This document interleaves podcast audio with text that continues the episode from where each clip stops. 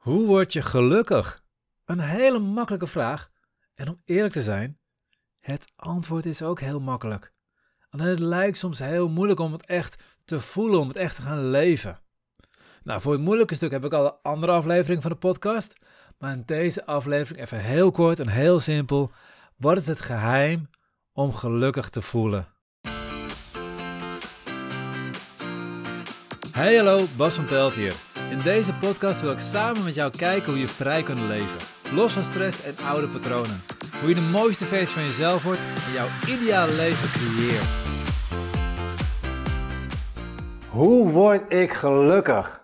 En om zijn, dat is de complete verkeerde vraag. Want die vraag impliceert namelijk al dat geluk voorwaardelijk is. Dat er iets moet gebeuren voordat je gelukkig kunt worden.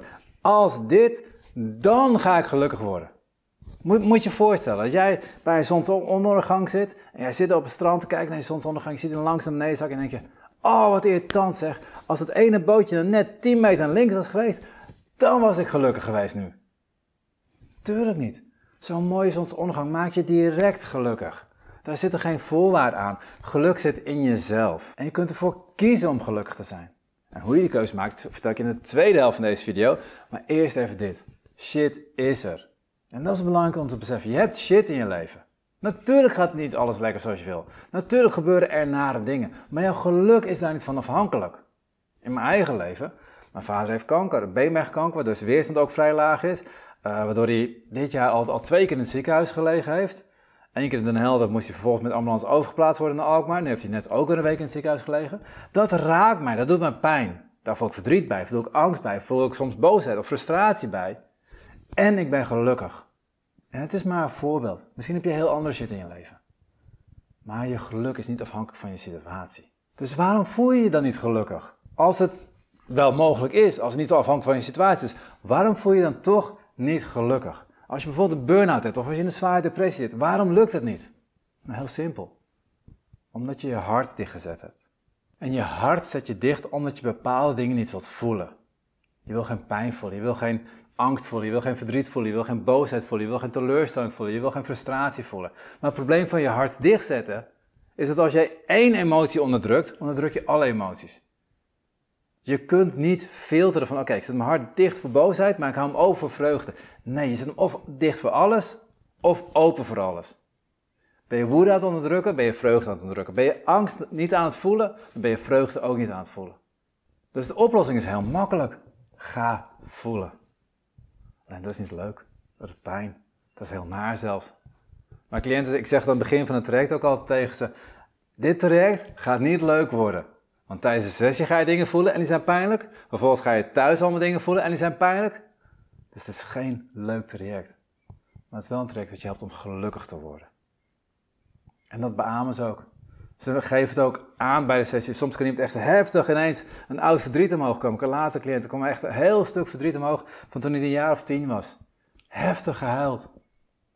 En tegelijkertijd voelde hij zich rustiger, kalmer, lichter, meer ruimte. Meer ruimte voor geluk. Op het moment dat je je shit mag voelen, gaat je hart open, ga je alles voelen. Ook je geluk wordt groter. Open je hart en voel alles wat er is. Het leven is bitterzoet. En dat is het mooiste woord wat er is in de Nederlandse taal. Het is bitter en zoet tegelijkertijd. Je kan verdriet voelen en tegelijkertijd geluk voelen. Je kan angst voelen en tegelijkertijd vreugdevol zijn. Als je je hart maar open zet. En ik zei, het is moeilijk. Dus als het je niet lukt om je hart zelf open te zetten, als je inderdaad in die burn-out zit, in die diepe depressie zit of een andere allemaal voorwaarden op een of andere manier vastzitten. In je jaloezie zit je vast in andere dingen, zit je vast onzekerheid. Het lukt je niet om je hart te openen. Zorg dat je hulp zoekt. Dat is wat we met de AAS-methode doen. Zorg dat je je hart open gaat. Zorg dat je alles kunt gaan voelen. Zodat je je shit kunt ervaren en kunt oplossen. En dat je ook een geluk kunt ervaren. Dat je geluk kunt gaan voelen. Dat je gelukkig kunt gaan leven. Een vrij leven is gelukkig zijn met alles wat er is. Alle mooie dingen, alle nare dingen. Alles wat er is. En jij voelt vrij. Jij voelt gelukkig. Heel even tussendoor. Als jij vrij wilt leven, los wilt komen van je stress en je oude patronen. En als je dat niet op wilskracht wil doen, maar vanuit jezelf, doordat je van binnenuit verandert en daardoor vanzelf die stappen neemt, dan gaat mijn boekje daar waarschijnlijk goed bij helpen. En om het makkelijker te maken, is nu vrij leven los van stress en oude patronen tijdelijk in de aanbieding op mijn website voor 17,95 in plaats van 23,95. En binnen Nederland is de verzending gratis. Dus volg de link in de beschrijving bij deze aflevering of ga direct naar azemethode.nl schuine streep boekactie. Dit was de podcast van deze week. Ik ben heel benieuwd wat je van deze podcast vond. Geef je app even een duimpje omhoog of een review. In Spotify kun je dit doen door naar de podcast zelf te gaan en daarop het aantal sterren te klikken onder de beschrijving van de podcast. Kun je jouw app geen review geven?